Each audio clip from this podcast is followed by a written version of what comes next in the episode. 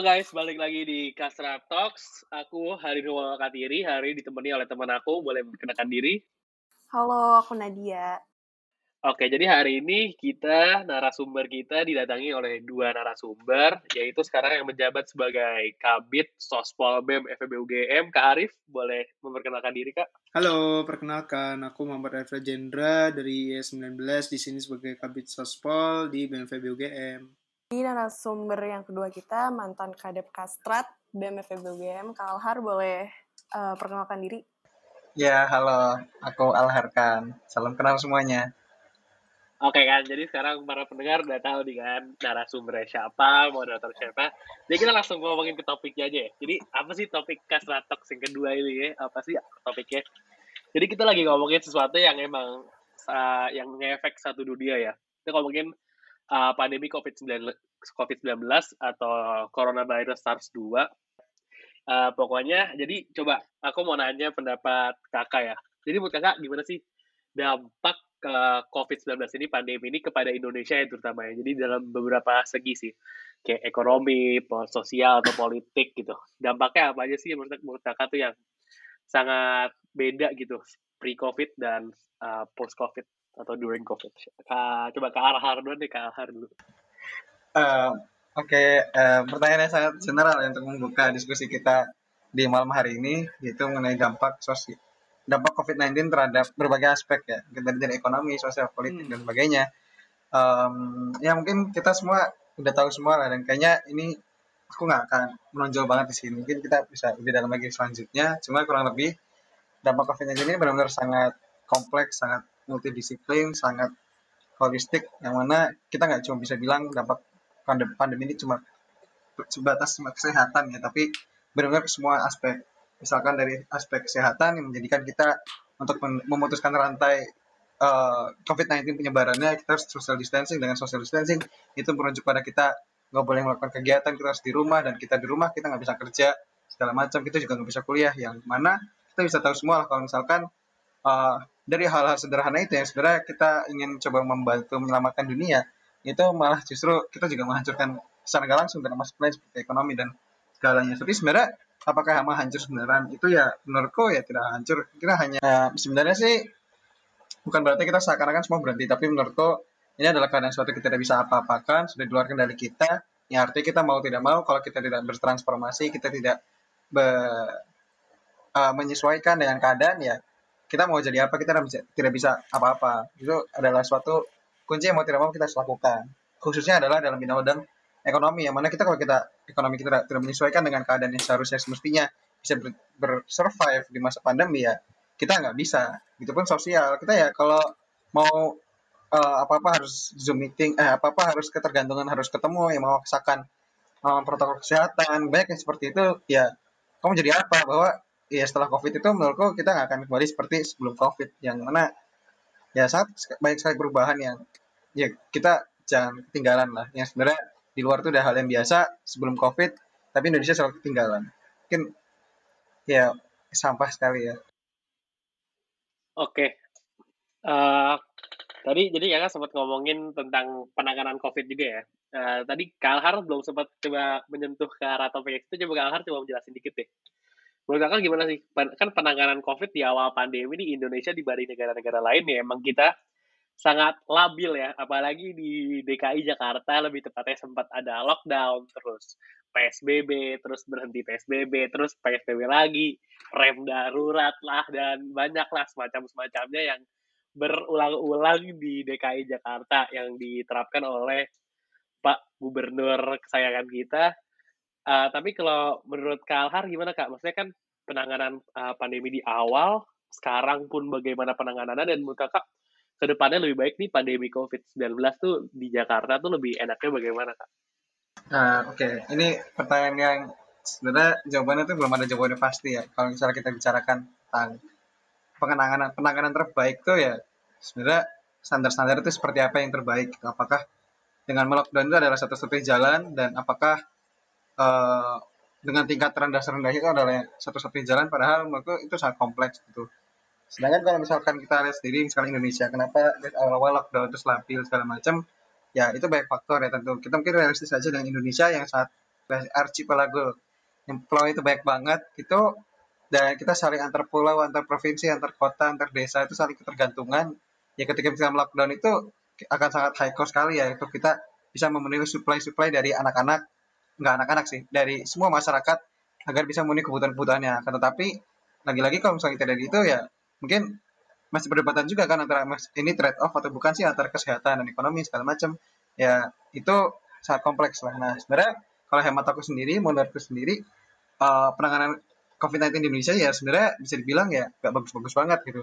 Cuma memang seakan-akan aku sih bisa mengatakan mungkin uh, media atau mungkin pemerintah sendiri yang seakan-akan mengakui bahwa ya kita fine-fine aja kita lebih bagus seperti gini gini gini dan yang mungkin paling garis bawahnya aku paling menarik adalah ya kita terlalu tergeneralisir bahwa uh, indikator atau buruknya penanganan adalah dari besarnya kasus gitu.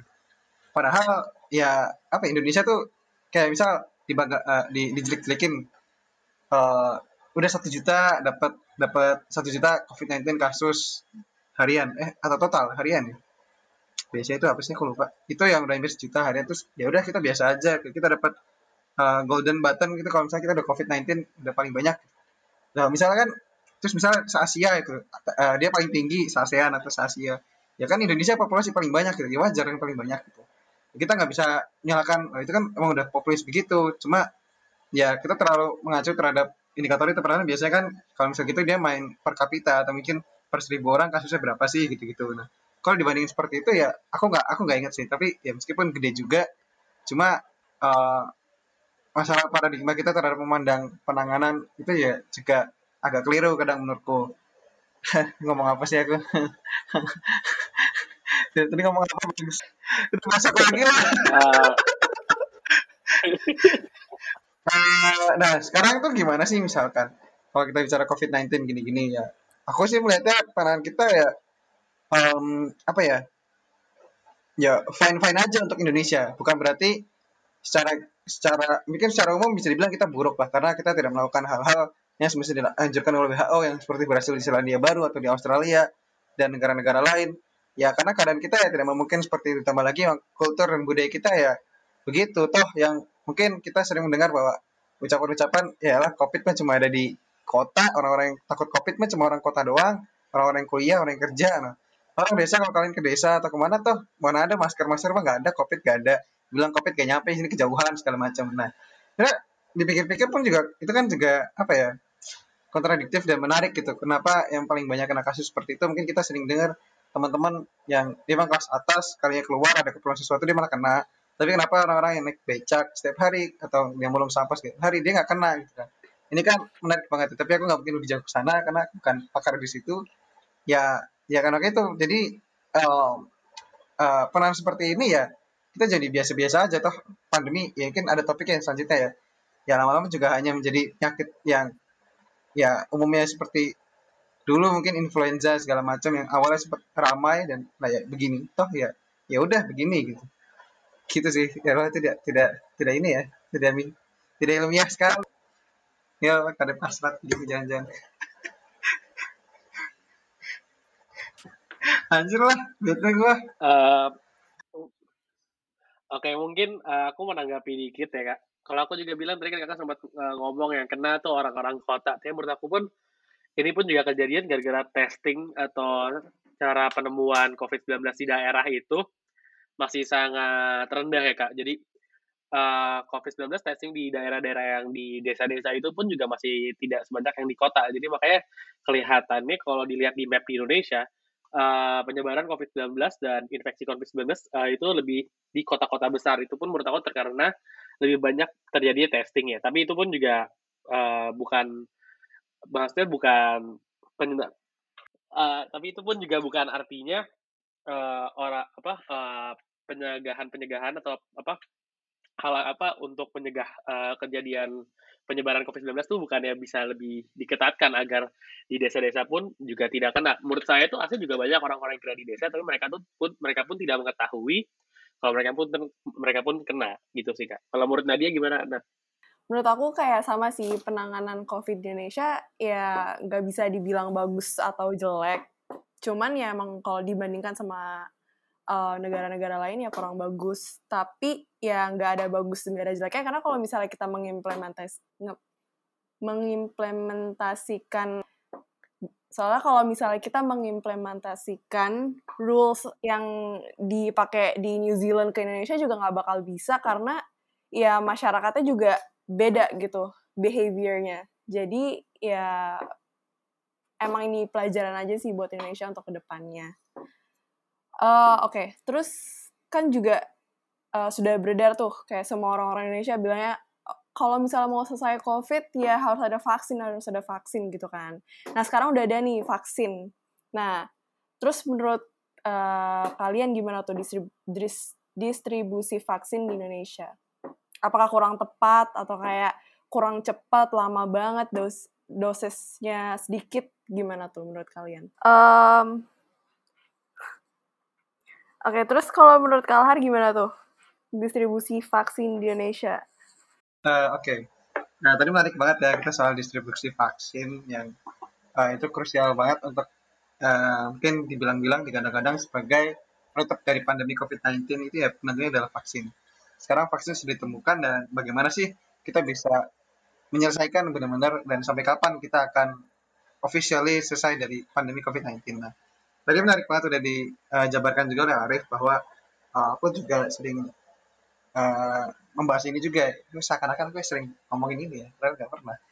Uh, sering memikirkan ini juga bahwa uh, Indonesia itu uh, kompleksnya dari vaksinnya adalah antara supply dan demand. Dari sisi demand itu ya sepertinya demand tuh ya cuma orang-orang yang percaya covid gitu. Yang tidak percaya ya ya udah gitu. Sedangkan supply kita tuh udah berubah untuk supply diperbanyak segala macam tapi ternyata ya baru pesan doang lah baru order kalau misalnya lihat di bulan Desember atau November Menteri eh Desember berarti ya, Menteri yang baru ya, Pak Budi ya. Itu dia udah membuat roadmap bagaimana dia bisa selesai vaksin ini dalam waktu tertentu, dalam bulan yang jelas, kapan orang datang segala macam jelas lah pokoknya. Ini orang sehat lah, ini orang sehat gitu kan. Ya, tenang menteri jelas lah gitu. Nah, dari situ kita bisa optimis lah bahwa nah, kita ada gambaran ke depan seperti apa. Cuma lagi-lagi bahwa ya pasti ya kita ber, merencanakan seperti ini tapi Tuhan gak berkehendak seperti itu. Kalau uh, orderan vaksinnya ngaret lah atau gimana birokrasi Indonesia ribet lah nggak tahu lah nanti kayak gitu. Yang menjadikan bahwa ya uh, prosesnya masih lama gitu. Dan prioritasnya itu yang paling penting ya masih terhadap orang-orang tertentu saja yang yang wajar sih emang tahu diutamakan apa orang-orang publik yang mana dia sangat berpengaruh untuk orang banyak ya. kecuali ya parlemen nggak tahu kenapa itu di luar uh, di sisi lain um, apa ya tadi ah oh ya dari sisi supply itu kita udah lihat bahwa vaksinnya udah diperbanyak segala macam, udah diorder segala macam, tapi itu masih kurang. Dengan melihat kapasitas populasi Indonesia yang sangat banyak 270 juta ya official BPS kemarin, itu ya artinya dengan tadi dibilang juga Arif kalau nggak salah mengutip dari mana, aku lupa kalau misalkan ya Indonesia sejauh ini masih sebulan atau per hari yang masih cuma 300 ribu atau 30 ribu, aku lupa. Yang yang sebenarnya itu sangat sedikit gitu. Mungkin kita melihat angkanya lebih banyak ya, coba kalau dihitungin dibagi taruhlah asumsinya dulu lah. Kita asumsikan pertama kalau misalkan 270 juta tuh bisa dapat kayak gitu. Aku pernah hitungin sendiri kayak ah ternyata itu bisa hampir 2 tahun tiga tahun gitu. Kita baru baru semua kena.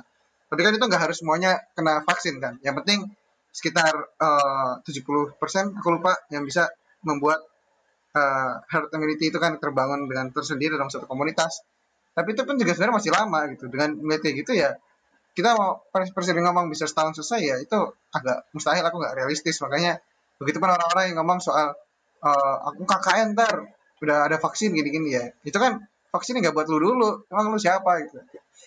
Belakangan lah yang lain dulu gitu kan. Ya, ya kayaknya ya berat lah berat.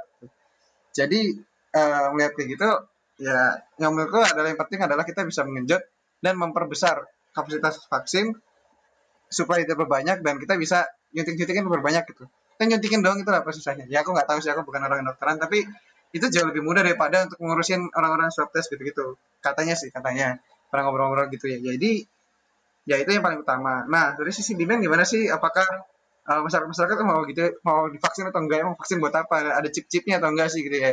Ya terserah percaya atau enggak ya tapi menurutku dari pemerintah tuh punya big push yang kuat ya punya uh, kekuatan yang kuat dan dari aspek agama itu juga bisa dipermainkan oh enggak permain agama jarang gue ini dari aspek agama itu juga bisa kita uh, ajak kita rangkul masyarakat. Contohnya seperti yang lihat di berita kemarin beberapa hari lalu bahwa uh, imam besar kita Habib Rizik itu sempat diusulkan untuk menjadi uh, uh, influencer atau brand ambassador dari vaksin gitu. Istilahnya begitu kan. Dan mereka dengan beliau yang punya kapasitas uh, tokoh publik yang memiliki pengaruh yang sangat besar, menurutku itu ya gak apa-apa. Tapi di sisi lain ya itu nggak nggak cukup bahwa semuanya itu perlu. Apalagi mungkin aku nggak tahu teman-teman ada yang bisa vaksin, mungkin Arif bisa divaksin duluan. Ya itu ntar kita mau divaksin, kamu harus story WA, status WA, kan itu sangat ngaruh ke teman-teman bahwa oh vaksin tuh penting ya, oh vaksin tuh uh, ada ya gini-gini gini-gini. Itu menurut itu perlu banget. Nah perkara halal haramnya itu aku nggak berani ngomong, tapi yang jelas dari AMU sendiri udah mengatakan tuh halal karena dalam keadaan seperti ini atau dalam kaidah fikih dan darullah gitu kan. Itu nggak apa-apa gitu kan. Harus mau tidak mau dan begitu pun dari aspek hukum ya Prof. Edi waktu itu juga pernah ngomong ini wajib kalau nggak ini bisa dipidana segala macam. Ya aku nggak tahu tapi menurut itu uh, boleh menjadi salah satu alat dan gak cuma dari MUI juga dari uh, nggak salah ada Bahtul Masail pun juga menghasilkan bahwa uh, pembahasan mengenai vaksin di masa pandemi ini adalah hal yang wajib. Jadi ya itu kita bareng-bareng lah. Gak cuma pemerintah doang. Jangan nyalain pemerintah ya kasihan lah. Kita udah mulai bersama-sama. Kita ajak bersama-sama kita harus percaya vaksin kan percaya vaksin. Vaksin baik gitu. Oke, menarik banget tuh Kak ngomongin vaksin dari sisi supply demand sama juga uh, gimana caranya mengajak orang. Nah, terus kalau misalnya nih kan kayak di luar negeri uh, di negara-negara lain kayak seperti Saudi Arabia, orang-orang seumuran kita tuh udah dapet kesempatan untuk vaksin. Nah, sementara di Indonesia kita yang vaksin tuh yang bisa mendapatkan vaksin tuh masih orang-orang lansia, um, orang-orang berusia ke atas.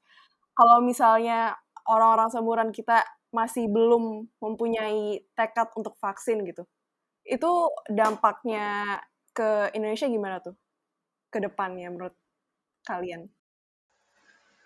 Uh, tadi itu soal ini ya berarti hmm,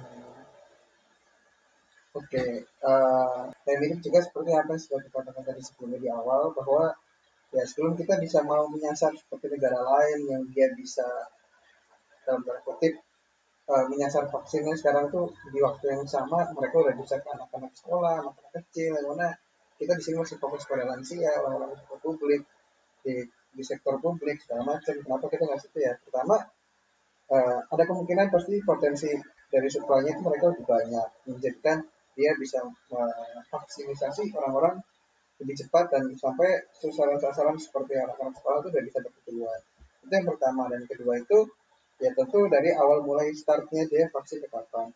Indonesia sebagai negara yang uh, biasa tertinggal gitu seperti hal seperti ini ya menjadikan kita terlambat memulai gitu dan itu supaya rendah vaksinasi dalam harian juga rendah dan kita mau aja terlambat kita tidak seperti mungkin Israel yang sangat maju sekali sains teknologinya dan uh, konsep pemerintah terhadap vaksin yang sampai sekarang udah hampir selesai bikin proses vaksinasinya. Itu pun negara lain ya. Ya mungkin ini juga faktor geografis juga ya karena mungkin mereka lebih dekat jadi gini-gini soal pendistribusian vaksin lebih cepat dan tapi itu nggak cukup juga bahwa political will juga mereka harus ada. Dan kita di masa yang sama bisa negara-negara lain sudah mulai membahas uh, vaksinisasi siapa dulu terus udah mulai ke mana menyasar ke mana cepet banget. Kita masih bahas vaksin ini bayar atau gratis. Uh, kita masih bahas vaksin halal atau haram kenapa vaksin gini gini vaksin chip cap chip apa lah itu kalau disuntik ya cuma vaksin doang terus ada monitoring ntar kamu data diambil gini kan ya ya ya, ya susah ya jadi itu sangat problematik banget sih. Kan gitu. Gini itu sih dari aku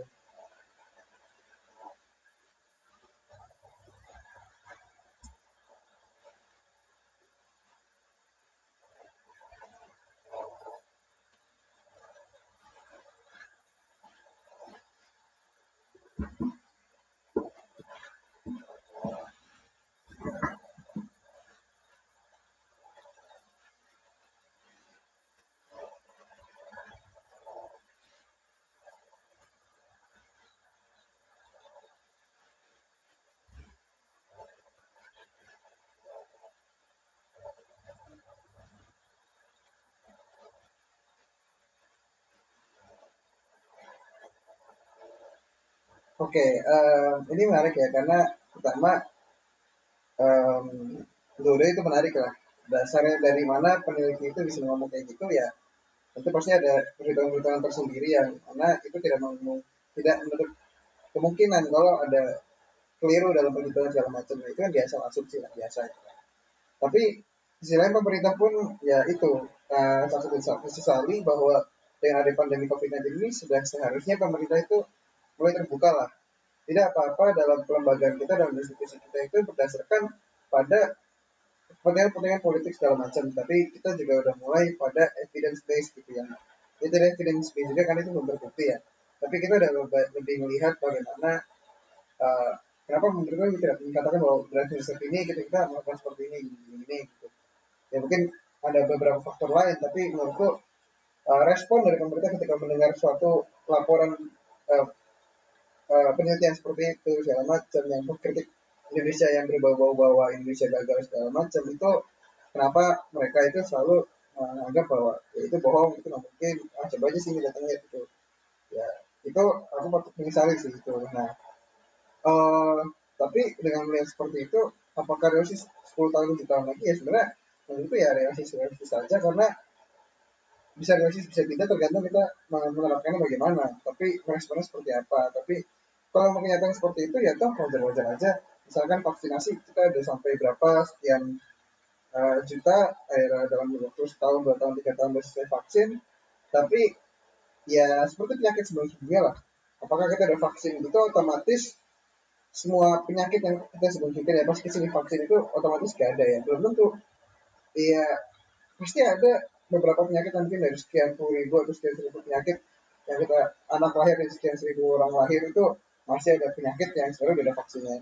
Itu kan antara dua antara emang mungkin kegagalan dari vaksin atau mungkin kegagalan dari eh, ya gak tahu lah mungkin genetik atau segala macam itu menarik banget kan. Tapi ya ya aku dengan melihat seperti itu ya COVID-19 ke depan mungkin bisa aja jadi penyakit yang ya udah biasa aja seperti dulu mungkin flu babi lah atau mungkin influenza atau segala macam. Ya begitu bahkan aku melihat bahwa uh, ya ini cukup kontradiktif ya aku baru banget semalam melihat dari risetnya dari uh, BCG itu juga bahwa ketika sudah ada vaksin uh, tingkat orang kena potensi penyakit influenza itu malah lebih besar daripada kena COVID-19. Ya artinya ya ya kan biasa lah beda-beda pendapat riset kayak gitu tapi ya kayak gitu tuh masih panjang dan itu masih sebatas proyeksi ramalan riset yang sebenarnya bisa aja keliru. Oke, uh, tadi sempat yang aku mau bahas ini sih kak, uh, berapa lama yang lalu, berapa lama yang lalu sempat ada yang viral ya, kayak ada research dari satu tim di Bloomberg kalau COVID itu di Indonesia setelahnya bakal 10 tahun dan rata-rata dunia tuh bakal 7 tahun. Beberapa orang pemerintahan, uh, lupa ya tempatnya siapa, tapi ada beberapa mereka tuh pada komen pada sangat tidak setuju katanya. Katanya adik sempat ngomong, suruh aja coba researchernya ke sini, lihat kondisi kita Asia tuh kayak bagaimana. Kalau menurut kakak, apakah research Bloomberg ini tepat apa enggak? So katanya kita baru selesai di Indonesia COVID baru selesai, dan kita baru bisa kayak tanda kutip back to normal gitu baru setelah 10 tahun kak.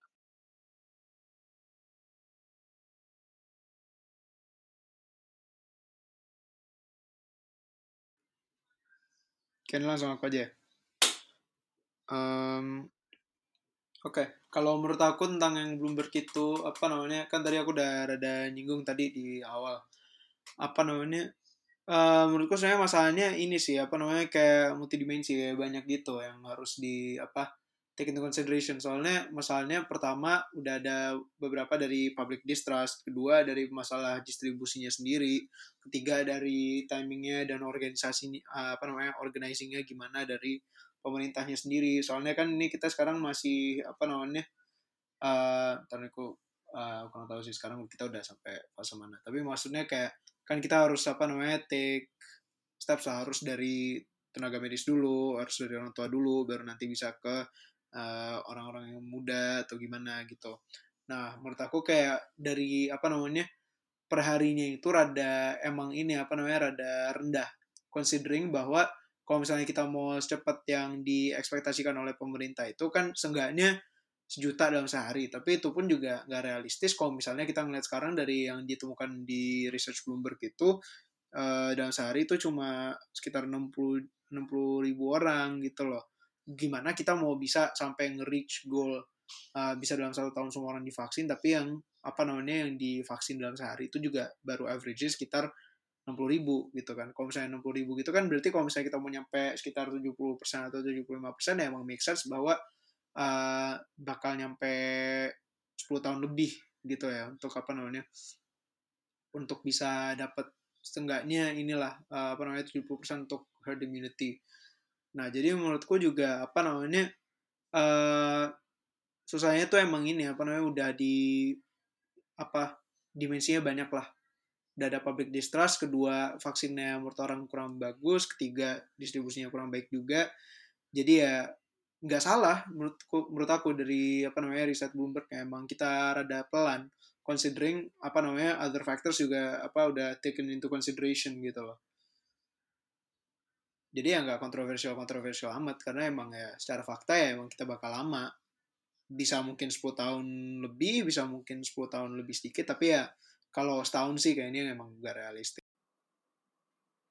Oke, menarik banget tuh kak.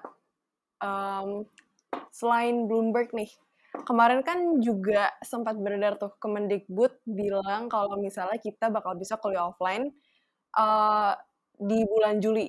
Nah, kalau misalnya kita ambil dari misalnya uh, penelitian Bloomberg tadi, kalau misalnya kita bakal selesai dalam 10 tahun, mungkin terus kayak sama sistem vaksinasi kita yang uh, sekarang kurang tepat ini mungkin nggak sih kita bakal kuliah offline bulan Juli ini? Atau itu kayak sangat unrealistis dan sangat idealis? Gimana menurut lo Din?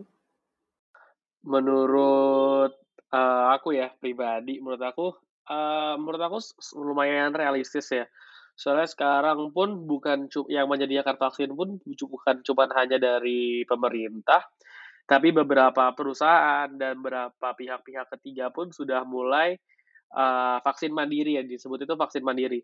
Jadi menurut aku sangat realistis ya selama masih dijalankan protokol kesehatan.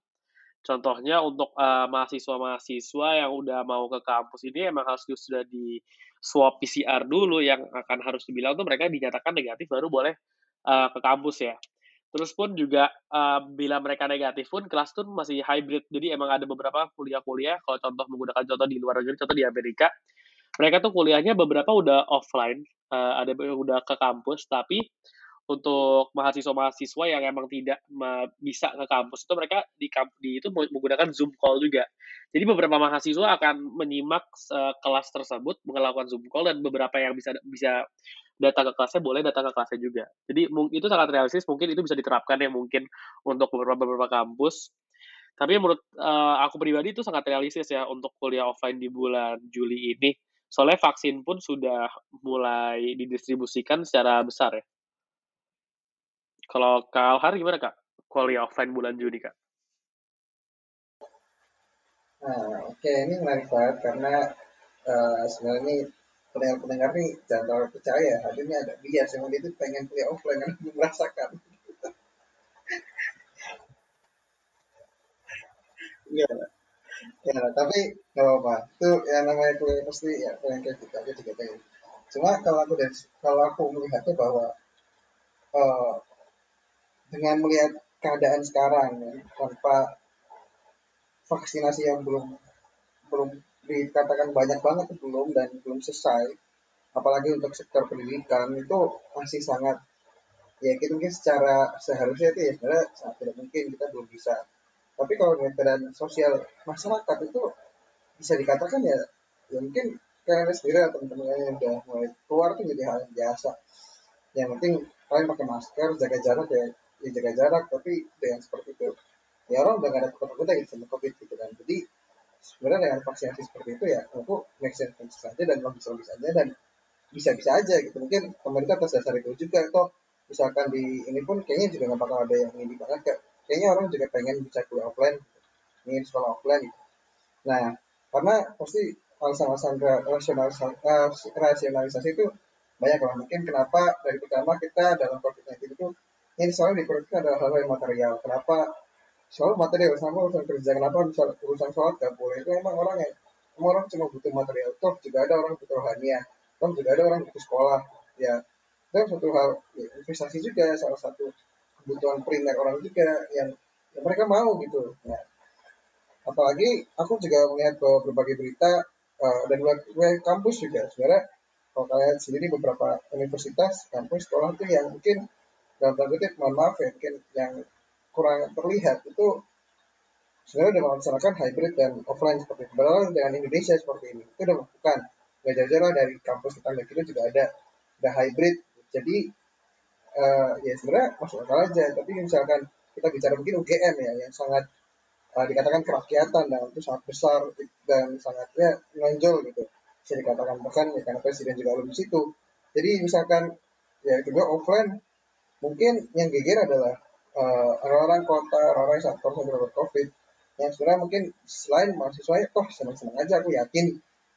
Ada yang senang ada yang enggak tapi ya mungkin kelihatan juga banyak yang senang gitu. Jadi uh, ya mungkin kalau misalnya kita bicara vaksin balik vaksin kalau misalnya itu ya dan pinter-pinter bagaimana kampus itu bisa memastikan bahwa siswa itu ya aman dari aman dari covid dan utamanya bisa divaksin. Nah kalau misalnya UGM ya aku mungkin bisa teman-teman mengusulkan uh, dari BEM ini kan masih aktif ini uh, mungkin juga yang ngurusin sampah dulu itu ya itu bagus cuma ah, ini juga menarik untuk dilirik isunya bahwa aku baru gak lama bikin berita beberapa minggu lalu itu di UI pun sebenarnya ada KKN dan KKN itu uh, setahu ya itu adalah tidak wajib. Itu pilihan tapi tetap ada KKN dan KKN yang terlihat seperti ini sangat problematik dan sangat apakah dilematis offline atau online? Toh kenapa kita memperbolehkan orang jalan-jalan yang sebenarnya esensinya ya kesenangan orang tersebut dan sangat material? Uh, itu diperbolehkan ketika sudah rapid test segala macam antigen. Tapi kenapa orang ngerti ke masyarakat tidak pernah? Tidak boleh gitu. Itu kan sangat nggak fair menurutku ya. Dan uh, sisi lain ya ternyata itu mereka sudah menjalin kerjasama dengan berbagai pihak, salah satu dengan TNI pun untuk TNI itu bisa membantu memberikan distribusi vaksin pada teman-teman yang ingin KKN karena menyadari bahwa itu adalah yang penting. Nah itu tentu UGM bisa mengambil seperti itu teman-teman mahasiswa yang aktif organisasi bisa men, uh, menyasar ke situ tersebut bahwa ya jadi kerjasama lah dengan apa biar kampus ini bisa hidup biar nggak sia-sia asetnya segala macam toh uh, ya yakin lah bahwa semuanya itu juga pengen kampus lagi gitu Mungkin itu sih. Oke, Kak. Oke, uh, sekarang aku sih udah ini udah mendekati akhir-akhir ya. Ini pertanyaan terakhir uh, nggak udah akhir-akhir sih Kak ini. Kita total total recording udah sekitar ya 40 menit ya. Uh, pertanyaan terakhir ya. Uh, mungkin bisa dibawa lebih ke diskusi. Nanti kalau juga mau berpendapat boleh. Uh, untuk ekonomi Indonesia nih kita coba memfokuskan ke arah ekonomi nih dampaknya terhadap uh, pandemi COVID-19. Tadi Kak Arif di awal sempat uh, ngomong tentang uh, PDB kita ya, kontraksi ya PDB. Tapi aku pengen lebih menekankan di segi pengangguran. Pengangguran di Indonesia uh, sejak pandemi pun sampai sekarang masih ada uh, kenaikan pengangguran yang masih lumayan tinggi. Aku pun se sebagai warga di Jakarta, aku pun makin melihat orang-orang yang di menengah di kelas menengah ke bawah pun mulai uh, apa mulai mencari solusi-solusi lain. Banyak yang udah mulai pakai uh, kostum. Padahal sebelum pandemi ini tuh jarang nih orang-orang pakai kostum di pinggir jalan yang uh, meminta-minta duit ya. Tapi menurut uh, jadi menurut kakak apa gimana sih uh, solusinya apa ya dari pemerintah? Dan apa sih yang pemerintah bisa lakukan untuk membantu rakyat-rakyatnya? Maksudnya kalau kemarin membantu para mahasiswa dan uh, siswa-siswa SMA, SMP dan SD dan uh, para dosen dan para guru kan diberi oleh diberi kuota ya. Tapi untuk orang-orang yang dalam yang sulit mencari pekerjaan, menurut kakak solusinya apa sih dan uh, bantuan dari pemerintah itu sebaiknya bagaimana kak? Mungkin kak Arif boleh menanggapi duluan. Hmm oke. Okay. Hmm gimana ya? Kalau dari aku sendiri soalnya uh, kan emang masalahnya tuh udah seperti di awal aku bilang di Indonesia itu ke uh, lebih berat di sektor informal.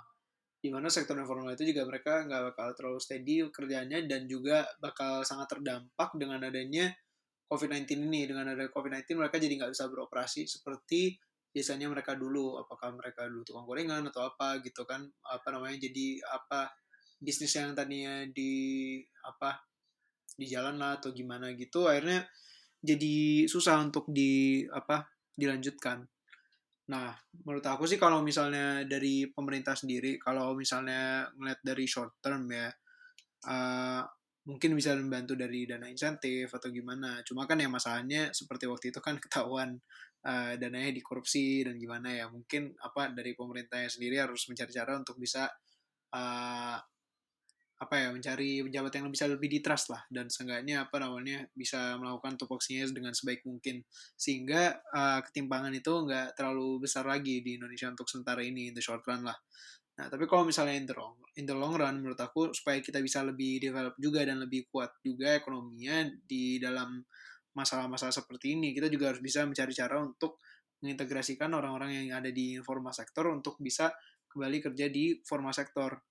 Dengan itu mereka jadi lebih apa namanya seenggaknya lebih ada safety lah untuk dalam pekerjaannya. Walaupun memang bisa diargue bahwa orang yang di formal sektor pun yang bekerja di industri apa pun itulah apa uh, tekstil atau apa gitu yang mungkin sekarang udah juga kena unemployment atau gimana kan itu emang juga itulah dampak resesi gitu ya udah normal uh, tapi menurutku seenggaknya dengan kalau misalnya udah bisa lebih diintegrasikan pada sektor formal seenggaknya uh, lebih gampang lah untuk nge-reach ke uh, masyarakatnya dan juga lebih banyak safety dibandingkan kalau misalnya uh, masyarakat itu kerja lebih sering di informal sektor.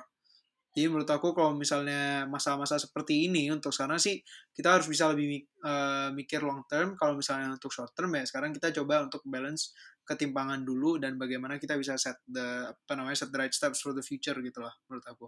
Soalnya kalau misalnya kita mau ganti, ubah semua sekarang juga menurut aku rada impossible juga dan kalau misalnya kita juga masih mau mengikuti cara-cara pra pandemi di dalam ekonomi yang seperti sekarang itu juga menurut aku juga akan tetap susah gitu loh. Hmm, selain itu aku juga mungkin mau bawa ke sebenarnya kita juga bisa mungkin nambah di FDI ya apa namanya maksudnya di uh, investasi dari luar negeri tapi ya uh, seperti kita lihat di news sekarang itu juga di berita-berita sekarang itu juga apa rada susah juga Indonesia mencari investasi karena juga kita masih banyak permasalahan di korupsi jadi menurut aku sih uh, masalahnya tuh di Indonesia tuh udah sangat sistematis. Jadi menurutku kalau misalnya kita benar-benar mau bisa memperbaiki ekonomi kita ya, kita emang harus benar-benar mulai dari making sure bahwa institusi-institusi kita itu udah fair dan apa udah bersih juga. Sehingga apa namanya tupoksi mereka itu bisa dilakukan dengan baik dan agar uh, masyarakat yang sedang bermasalah itu juga bisa dibantu dengan secepat mungkin. Seperti layaknya di negara-negara lain yang mungkin sudah bisa uh, mengandalkan ini apa namanya COVID-19 ini dengan lebih baik gitu. Udah sih gitu menurut gue. Oke. Gimana? Kalau Nadia, kalau mungkin Nadia mau mau memberi pendapat dulu. Kalau Nadia nggak ada pendapat, boleh aku lempar ke Kalhar. Kalau Nadia?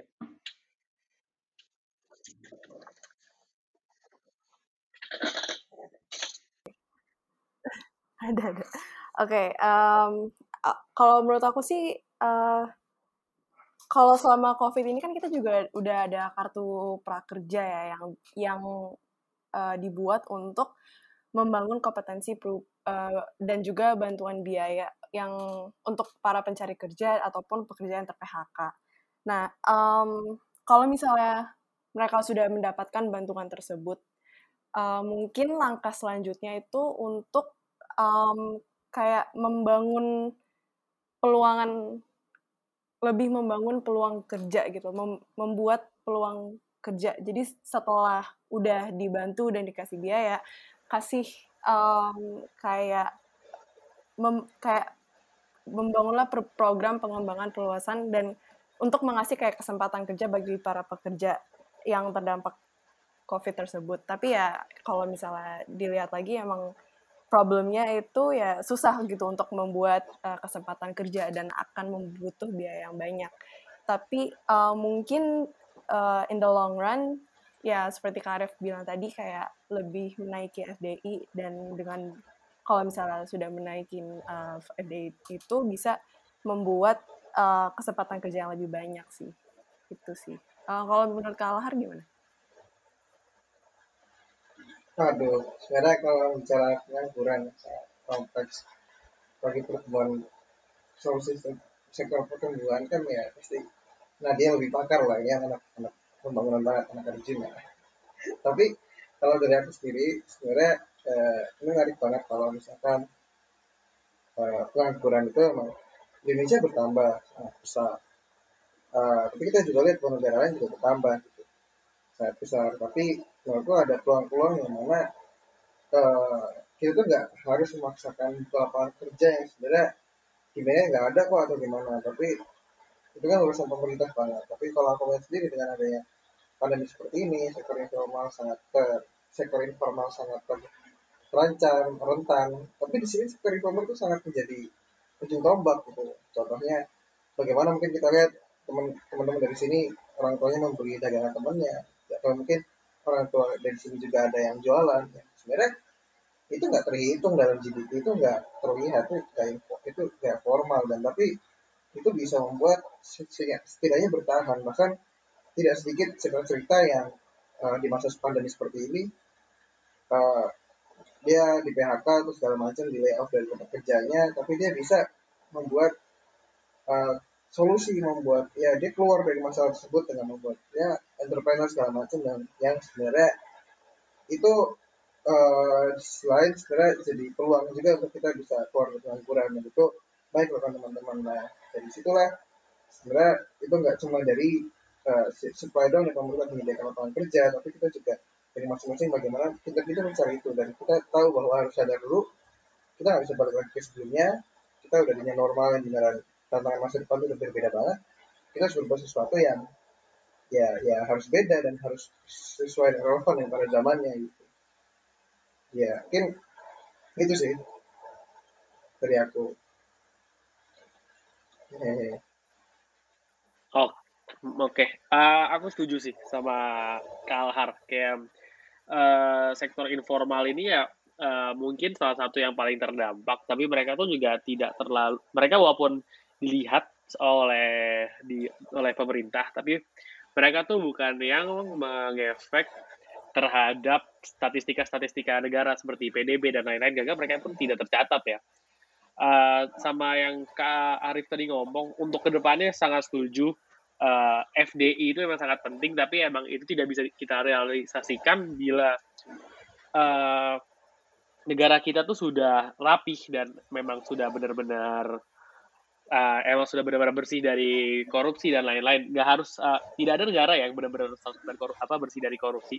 Tapi setidaknya uh, tidak separah negara kita. Uh, selain menurut aku pribadi ya uh, pemerintahan di Indonesia itu kurang uh, transparan ya. Jadi juga masih banyak uh, uh, ragu uh, keraguan yang dialami oleh investor-investor di luar negeri untuk masuki investasi di Indonesia sih.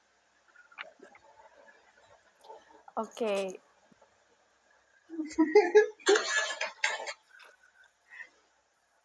tapi tapi setuju banget sih Hadin um, kalau kita lihat mungkin ya mungkin sedikit nambahin ya teman-teman. Uh, kita lihat sektor-sektor formal itu dibilang uh, dia yang paling mendingan segala macam. Tapi ya coba aja lihat sendiri kalian. Uh, lihat jam 8 malam ppkm ya yang formal-formal mendi itu udah harus tutup dan nggak terlalu laku. Padahal kita lihat di jalan angkringan atau cewek segala macam. Dia masih laku dia ke bawah ppkm itu itu kelihatan mana yang dilaku gak sih tanpa gitu gitu.